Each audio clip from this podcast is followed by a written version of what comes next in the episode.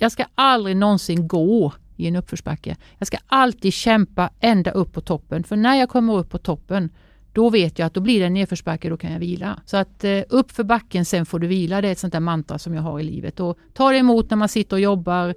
Kämpa på, du kommer upp på toppen så småningom och då går det lättare.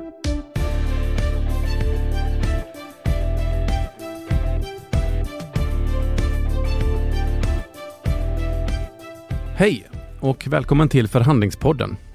Podden för dig som vill göra bättre affärer och vill komma bakom kulisserna där det verkligen händer. Och idag ska vi träffa Eva-Lena Frick, den före detta elitskidåkaren som ju har rönt stora framgångar i spåren men sen har tagit med sig sin vinnarskalle, sin förmåga, sitt driv in i den civila karriären och haft minst lika stora framgångar där. Hon har varit chef för Vätternrundan, Vasaloppet och nu senast Göteborgsvarvet. Överallt har hon kommit hon blivit hyllad för, för den hon är, sitt ledarskap och sin förmåga att åstadkomma saker. Så vi kommer prata om eventaffären. Eh, Eva-Lena om någon känner till den som ni förstår. Hur tjänar man pengar när man driver event? Vad kostar pengar och vad är eventens framtid?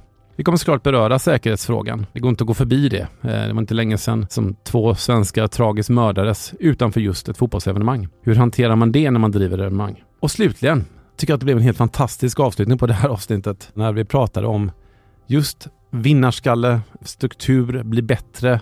Allt det där som man gör som idrottare. Hur man kan tänka i sin civila karriär. För Eva-Lena har egentligen tillämpat samma principer när hon ska vinna i skidspåret som när hon ska vinna vid skrivbordet. Och eh, jag märkte egentligen första gången jag träffade Eva-Lena att det finns någonting där. Det finns ett enormt driven vinnarskalle. Eh, och sen förstod jag, eller hon förklarade att ja, hon är Frida Karlssons moster. Aha, det är den genen. Så att missa inte att lyssna på hela avsnittet för jag kan lova mycket klokskap i hur man tar sig själv, sin karriär och sitt liv till nästa steg. Så eh, hoppas att ni får en spännande halvtimme med mig och Eva-Lena Frick. Nu kör vi!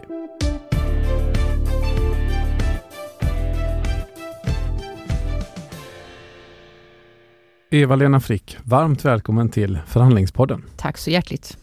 Hur är det med dig då? Jo tack, eh, det är bra. Lite kallt. Det börjar kännas att det är vinter på gång och det tycker jag är kul. Ja, och nu är du här nere i Göteborg ju. Ja, jag hamnade här. Ja, det känns som, eh, ja, det finns liksom inget stort evenemang kvar snart i Sverige som du inte har varit chef över. Jo, det finns några stycken faktiskt, men jag har ju en viss vana. 20 år i den branschen. Exakt, det, och det är därför vi är väldigt glada och stolta över att du är här. Nu är det oktober. Vad gör man i oktober på eh, Göteborgs friidrottsförbund? Eh, då planerar man väldigt mycket nästa år. Mycket budget, mycket planering inför årsmöte. Vi har en höstdialog på lördag med alla våra föreningar bland annat, där vi vill stämma av läget och informera och ha dialog kring eh, den gemensamma verksamheten som vi ska ha nästa år. Och vi har ett årsmöte i november. Så att nu, just nu är det mycket fokus på att färdigställa 23 men också planering inför 24. Och på eventsidan, alltså på evenemangssidan och loppen i, i maj så eh, pågår ju anmälan för fullt. Vi har precis i dagarna passerat 20 000 till Göteborgsvarvet 24, vilket mm. vi är fantastiskt glada över. Och jag har precis dragit igång min uppladdning också. Har du anmält dig då? Eh, det tror jag vi gör via företaget där på något sätt. Ah, Okej, okay. mm. men du ska? Absolut. Lovar du? Jag lovar. Härligt. Aj, aj, nu gick du ut i eten också, men det är så man ska, det är så det händer. Där fick man, jag dig. Ja, där tog du mig. Direkt. Ja, det kan bli ett långt avsnitt detta. Du, hur skiljer det sig, liksom, ja, löpning, löpningskollektivet, cykling, du har varit på Vätternrundan, eh, skidåkning, Vasaloppet, du har också din grund i skidåkning. Är det liksom, hur skiljer sig kulturen? Är det ungefär same same?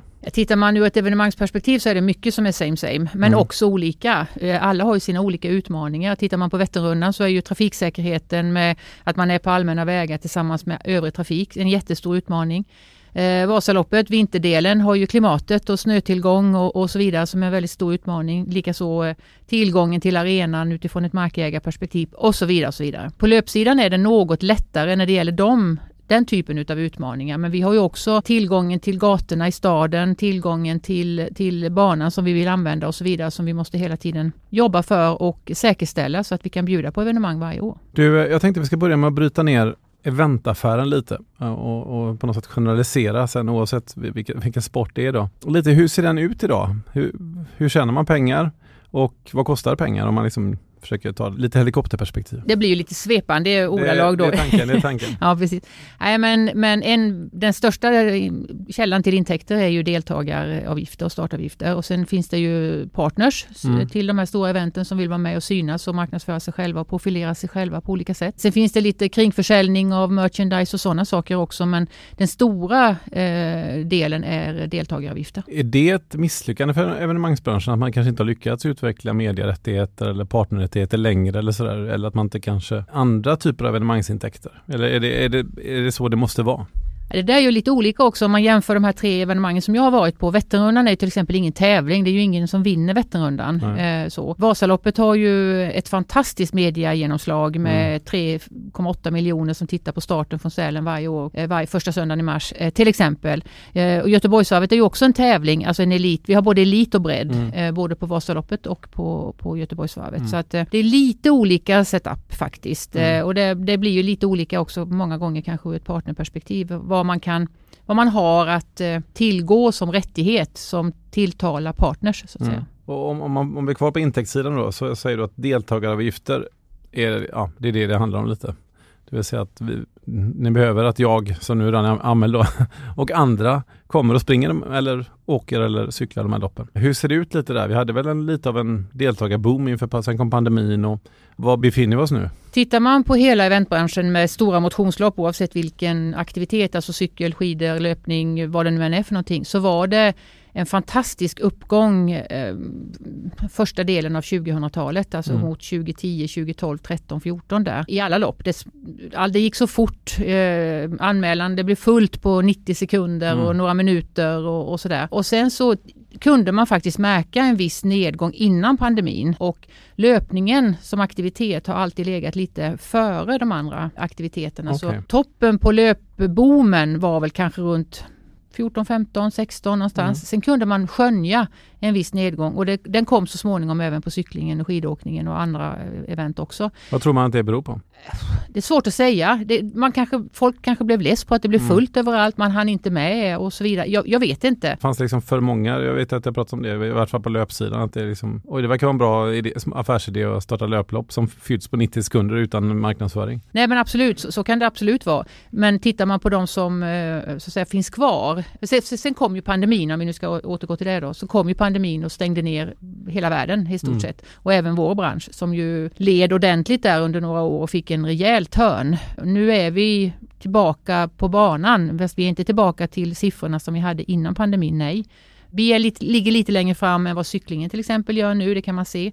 Vi har ju ett väldigt nära samarbete med varandra, så vi har ju tillgång till information och vi stöttar och hjälper varandra i, i branschföreningen Svenska motionslopp också. Men, men vi är inte tillbaka riktigt än. Många tror ju att ja, men nu är pandemin slut, nu ska ni vara tillbaka. Men så enkelt är det inte utan man har hittat andra sätt att motionera. Man kanske inte vill åka på större event i samma utsträckning som man gjorde förut. Men det finns en, en uppgång i alla fall. Det finns en positiv trend och de här 20 000 plus som vi har anmälda nu till dags dato till nästa år i maj är ju ett tecken på det, vilket vi är väldigt glada över.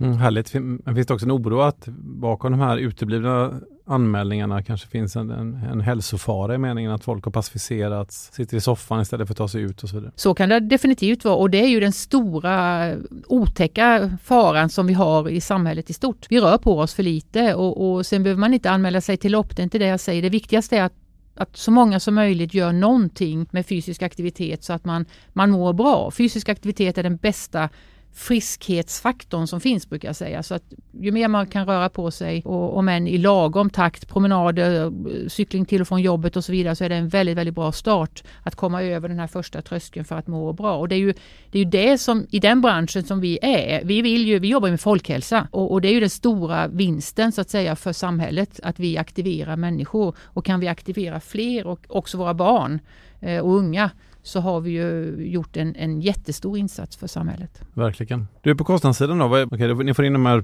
pengarna på, på deltagaravgifter, lite partners, kanske lite kringgrejer och sen går det ut lite också. Vad, vad går det mm. ut till? Alla de här loppen har ju organisationer som jobbar professionellt året runt med det här. Vet du vad som är den vanligaste frågan man får när man är i den här branschen? Får du betalt? Nej, vad gör ni de andra 51 veckorna ja, på året? Såklart, ja. Eh, och, och, det där är ju många människor som inte förstår, men det är ja. väl bara att göra si ja. och så så kommer alla människor. Det är faktiskt många som inte har eh, förståelse eller insyn eller har tänkt på, ska vi säga, att det krävs en hel del planering och ett gediget planeringsarbete för att det här ska kunna vara möjligt och att vi ska kunna bjuda på den upplevelsen som vi vill. Mm. Och vi pratar bana till exempel i vårt fall nu här på Göteborgsvarvet att säkerställa att det finns mycket byggnationer, ändringar i, i gatbild, eh, ny, nybyggnationer av saker och ting, nya byggarbetsplatser och så vidare som hela tiden måste planeras för och komma överens om tillsammans med många, många andra aktörer för att vi ska kunna hitta den banan som vi önskar att ha för våra löpare. Mm. Sen är det ju att se till att all utrustning är på rätt plats vid rätt tillfälle och att säkerställa att den kommer till, kommer till oss. Så att säga. Så att planeringen, marknadsföring, vi ska ha anmälningssystem, vi ska mm. ha eh, funktionärer. IT är väl en inte, inte obetydlig kostnad, eh, tänker jag. Den är en av de större. Mm. Sen ska vi då säkerställa att vi har tusentals funktionärer som, mm. som hjälper oss med olika uppgifter under loppets gång, eller under mm. tävlingarnas gång. Det är svårare idag att få folk att, att ställa upp och vara funktionär vid den här typen av lopp? Det är både och skulle jag vilja säga. Eh, det går ju åt väldigt, väldigt många. Eh, men vi har ju ett 50-tal, 60-tal föreningar som eh, ställer upp och hjälper oss. Som också därmed kan finansiera mycket av sin verksamhet. För man får ju en ersättning till klubben. Det finns inga individuella ersättningar med till klubben. Mm. Göteborgs friidrottsförbund ägs ju av dess medlemmar, det vill säga är det ideell förening. Överskottet går tillbaka till verksamheten, till möjlighet för barn och ungdomar att få, få träna och, och så vidare.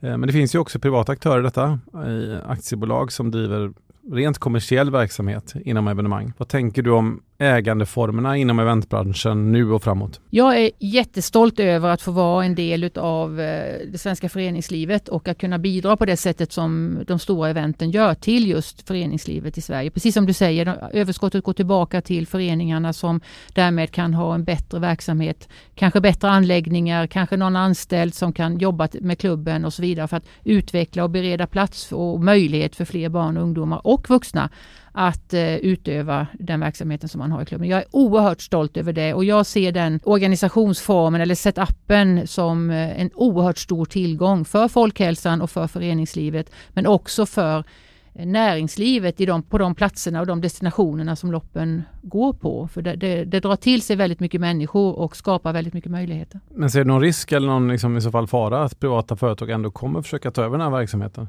För det är verksamhet som, som genererar vinst och då kommer det per automatik privata företag att vara intresserade av den verksamheten. Ja, jag kan personligen tycka att eh, överskottet ifrån de här evenemangen ska så att säga, gå tillbaka till, till ungdomsverksamheten. För det är ett sätt att stimulera vårt svenska föreningsliv som jag håller väldigt, väldigt högt. Så att det är klart att kommer det in alldeles för många så att säga, privata aktörer och eh, bolag som ska tjäna pengar på det här så blir det inte samma peng tillbaka till, till föreningslivet. Och, och det ser jag som en, en risk för föreningslivets del, ja. Vad tror du kommer hända med evenemangen om vi bara höjer blicken 5-10 års tid? Kommer liksom eh, jag tänker också kanske en digital värld och med AI och annat sådär. Göteborgsvarvet eller Vasaloppet om 10, 15, 20 år, är det, är det på samma sätt?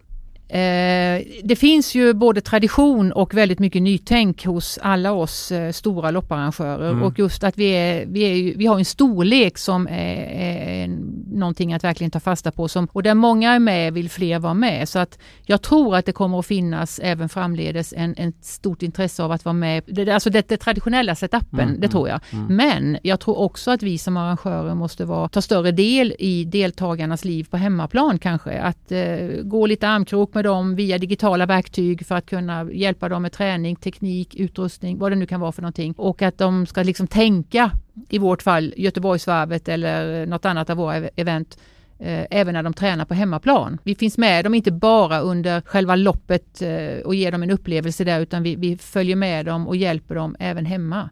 Att där tror jag att det, det, kommer att finnas. Man, och under pandemin så sprang vi ju de här, eller åkte skidor eller cyklade. Loppen, ja. ja mm. på hemmaplan. Mm. Eh, och det var ju ett sätt att hålla organisation och hålla varumärkena så att säga levande och igång. Mm. Så att inte det skulle falla helt i träda.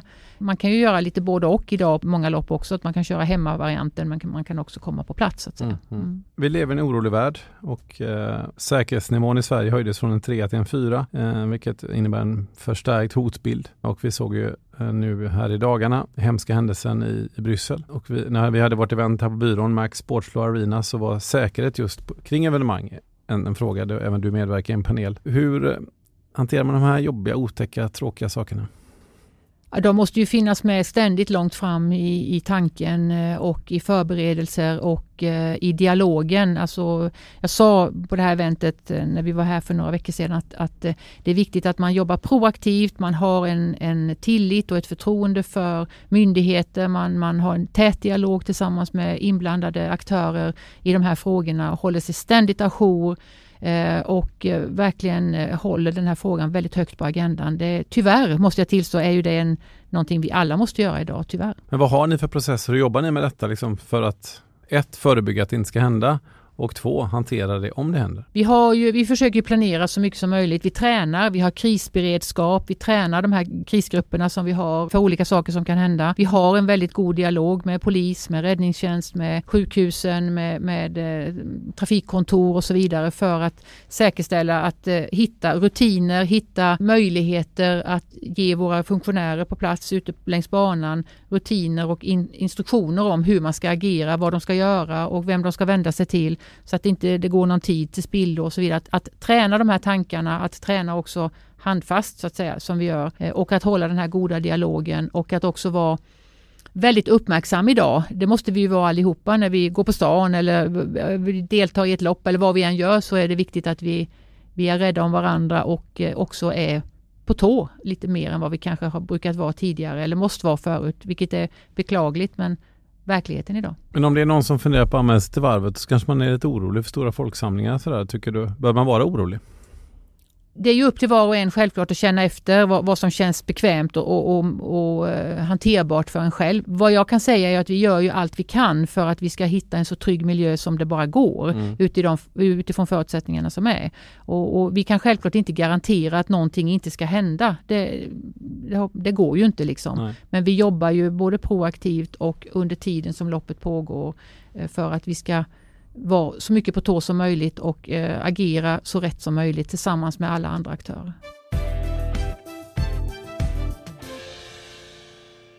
Något som fascinerar mig väldigt mycket med idrott och jag tror att det fascinerar alla som följer idrott, det är de här extrema prestationerna och, den här förmågan att sätta upp ett mål, jobba under väldigt lång tid mot det här målet. man tar Göteborgsvarvet, alltså de som springer det på en timme och tre minuter. De har förberett sig under lång tid och sen ska man dessutom vara som bäst dagen det gäller eh, och sen kommer man få sin schackning i loppet och då tar man sig igenom den mentalt och allt det där. Jag tycker det är väldigt fascinerande när man läst lite intervjuer med dig så är du, verkar du dessutom ha förmågan att transportera detta in i, liksom i din roll, din civila roll, där du liksom tagit med det där. Om vi börjar med liksom den här förmågan att ta ut sig, förmågan att prestera, förmågan att vinna.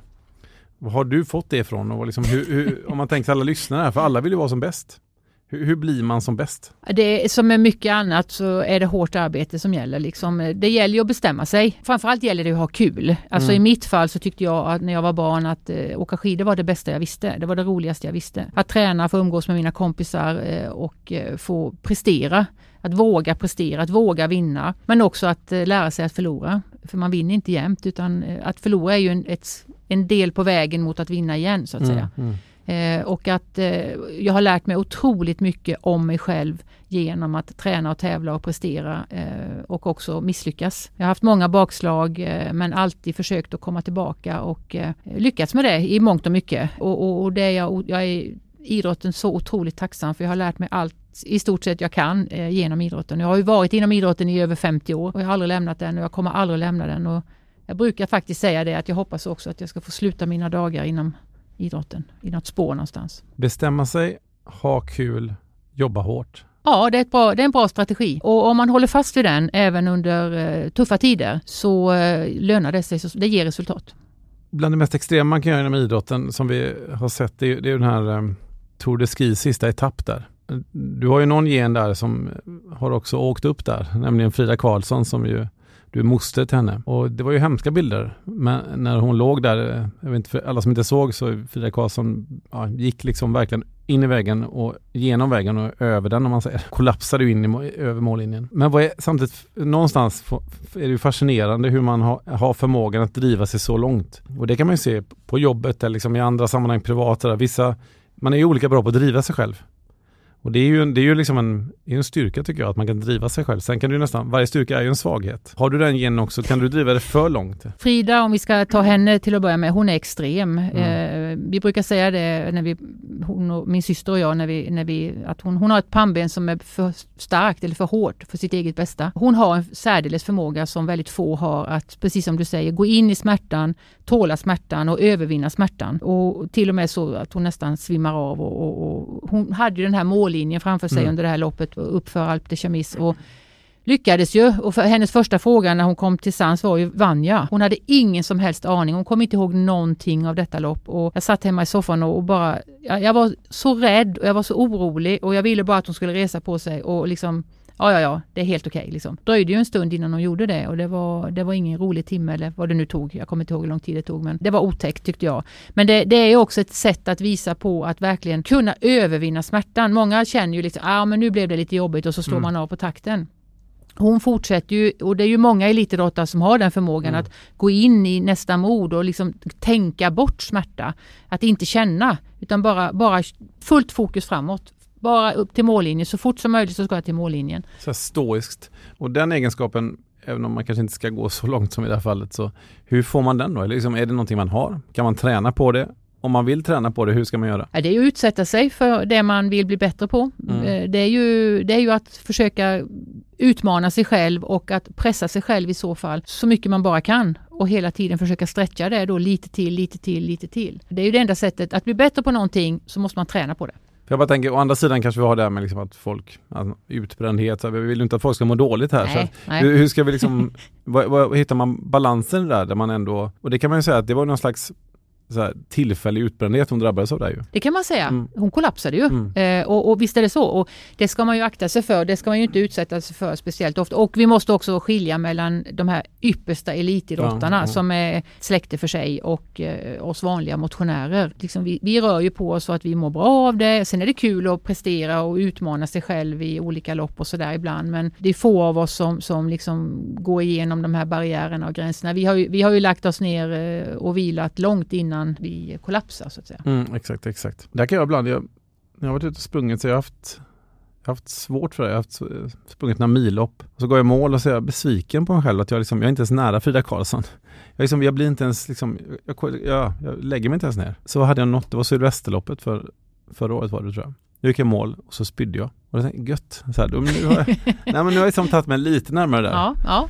Och det är väl som du säger, då har jag bara tränat lite på det så, så kommer man lite längre. Och, och det, där, det är lite intressant för att kunna liksom ta ett steg till och ett steg till och att inte liksom så fort det blir lite jobbigt backa hem. Nej. Det är ju någonting du har väldigt nytta utav på tal om att gå in i, i en annan utmaning, typ arbetslivet mm. eller vad det nu är du ska göra. Att inte ge upp utan att försöka lite till. Ta det emot, det är tufft på jobbet, du har en tuff uppgift, du kommer inte vidare men att inte ge upp utan att verkligen försöka igen och försöka igen. Du kommer vidare till slut, du kommer mm. igenom. Det gäller att ha tålamod och det gäller att, att eh, orka så att säga, att inte, inte ge upp eh, i första taget utan att kämpa, kämpa vidare. Och jag har, jag har ett sånt där mantra som jag fick när jag var 11-12 år på ett elljusspår hemma i Sävsjö där jag är uppvuxen. Det finns en backe mitt på det elljusspåret som är ganska tuff när man mm. inte är äldre än 11-12 år. Och jag vet att jag sprang runt det här Jag har sprungit tusentals varv runt detta elljusspår och jag vet att jag kände tanken, den, jag ska aldrig någonsin gå i en uppförsbacke. Jag ska alltid kämpa ända upp på toppen för när jag kommer upp på toppen då vet jag att då blir det en nedförsbacke, då kan jag vila. Så att eh, upp för backen, sen får du vila. Det är ett sånt där mantra som jag har i livet. Och ta det emot när man sitter och jobbar.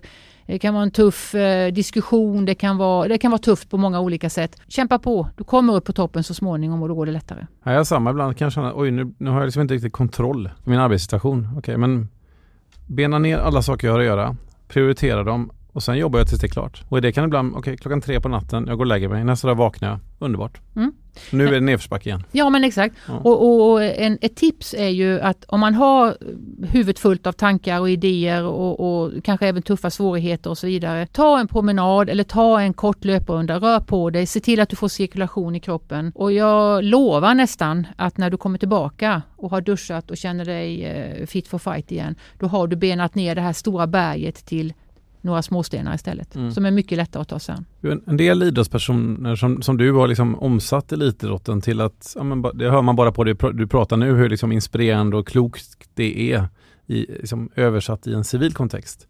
Eh, men däremot känns det, har man ju sett många andra elitidrottspersoner som som inte alls lyckas det utan tvärtom kanske liksom blir, lever ett ganska passivt civilt liv. Eh, vad, är, vad är det som avgör det där egentligen? Var det en svår brygga för dig? Nej, för mig var det ju, jag har ju haft förmånen och, och turen och, och, och, omständigheter som har gjort att jag kunnat vara kvar i idrotten även i det professionella mm. livet, eh, vilket för mig har varit fantastiskt kul och, mm. och jag älskar det verkligen varje dag. Vissa elitidrottare så kanske det har gått, nu ska jag inte generalisera, men det, jag tror det finns exempel på det i alla fall, som man, man har lyckats väldigt väl eh, och det har gått som på en räkmacka. Hela, man har inte haft några jättemotgångar, man har inte haft några svårigheter av stor art att, eh, att ta sig igenom. Då tappar man kanske lite grann av den där eh, känslan att pressa sig lite till och att kämpa vidare. Man komma tillbaka från en svår skada till exempel, det med rehab och tufft arbete mm. och, och, långsiktighet och tålamod och alltihopa där. Har man inte haft de motgångarna vilket är väldigt i och för sig få som klarar sig ifrån. Mm. Men det gäller ju liksom att behålla drivet, att hela tiden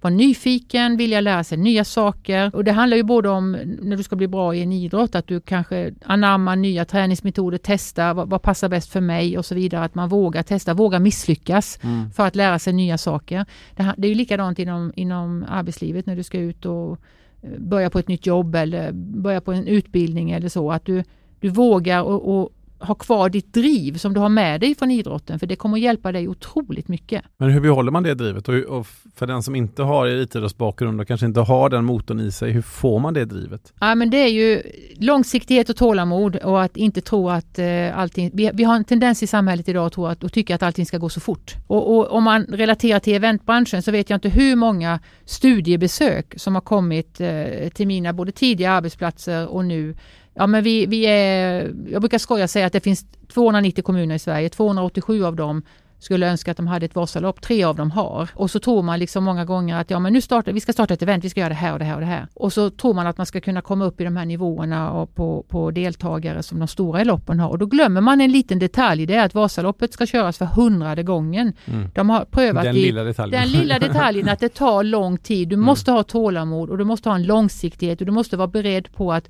du har dina dippar. Jag menar Vasaloppet har varit inställt tre gånger under de här hundra åren. Eh, och det har varit tufft på många olika sätt för många andra event också. Man mm. glömmer den här långsiktigheten, traditionen, att man måste jobba, jobba, jobba, lära, utveckla, utvärdera det man gör, skruva lite och så utveckla ännu mer till nästa år för att eh, nå nya höjder helt enkelt. Mm. Det är mm. samma sak när det gäller dig själv som person. Du måste vilja framåt och du måste ha en nyfikenhet och du måste sträva. Du måste ha en strävan eh, och sätta mål för dig själv också. För tycker du att, ja men, och det är väl inget fel i det, missförstå mig inte nu, det är inget fel i att man tycker att livet är bra och jag, jag har det bra och så vidare. Men om du hela tiden vill lite mer och lite längre så måste du också ge dig själv förutsättningar för att komma dit så att säga. Jag tycker det är oerhört intressant just att hoppa in som du, du har fortfarande liksom en elitidrottshjärna som, du, som vi kan lära mm. oss av. Det här med liksom att sätta de här målen, liksom hur, har du ja, någon, har någon ja. idé hur man bryter ner det och gör det där i vardagen? Ja men man kan, man kan ju tänka sig, nu är det inte alla som har, har liksom lagt upp en träningsplan kanske för ett år på, eller på, eh, på fem, tio år eh, som man gör som elitidrottare men, men att ha ett långsiktigt mål eh, och sen bryta ner det till handlingsplaner år för år. Utvärdera hela tiden. Vad har jag gjort för att komma hit? Har det varit bra och dåligt? Vad kunde jag gjort annorlunda? Nu låter det här väldigt, eh, men, men ja, lite grann det tänket att man reflekterar ibland. Jag tycker vi är som generellt sett vi människor är jättedåliga på att reflektera. Mm. Både när det går dåligt och när det går bra. Vad var det som gjorde att det här gick jättebra idag? Och mm. vad var det som gjorde att det här inte gick så bra idag? Och lära oss av det och, liksom för att kunna göra på ett annorlunda sätt nästa gång vi ska in i samma utmaning. Så att jag, jag tror att vara lite strukturerad. Mm. Det är lättare sagt än gjort många gånger men att, att lära sig utav det man har med sig i ryggsäcken och för att kunna gå vidare in i framtiden så att säga. Jag är ganska mycket för det här med ordspråk eller så, men det, det, finns ett som Nelson Mandela sa en gång att jag förlorar aldrig, antingen så vinner jag eller så lär jag mig något. Jag tycker det ligger jättemycket i det. Det, det tycker jag är huvudet på spiken. Man ska inte känna att man misslyckas eller förlorar utan man, man lär sig av det som inte gick så bra för att kunna göra det bättre nästa gång. Så eh, det tycker jag var så bra så vi kan nästan ta det som slutord. Eva-Lena, stort tack för att du tog dig tid att komma till Förhandlingspodden. Tack så mycket.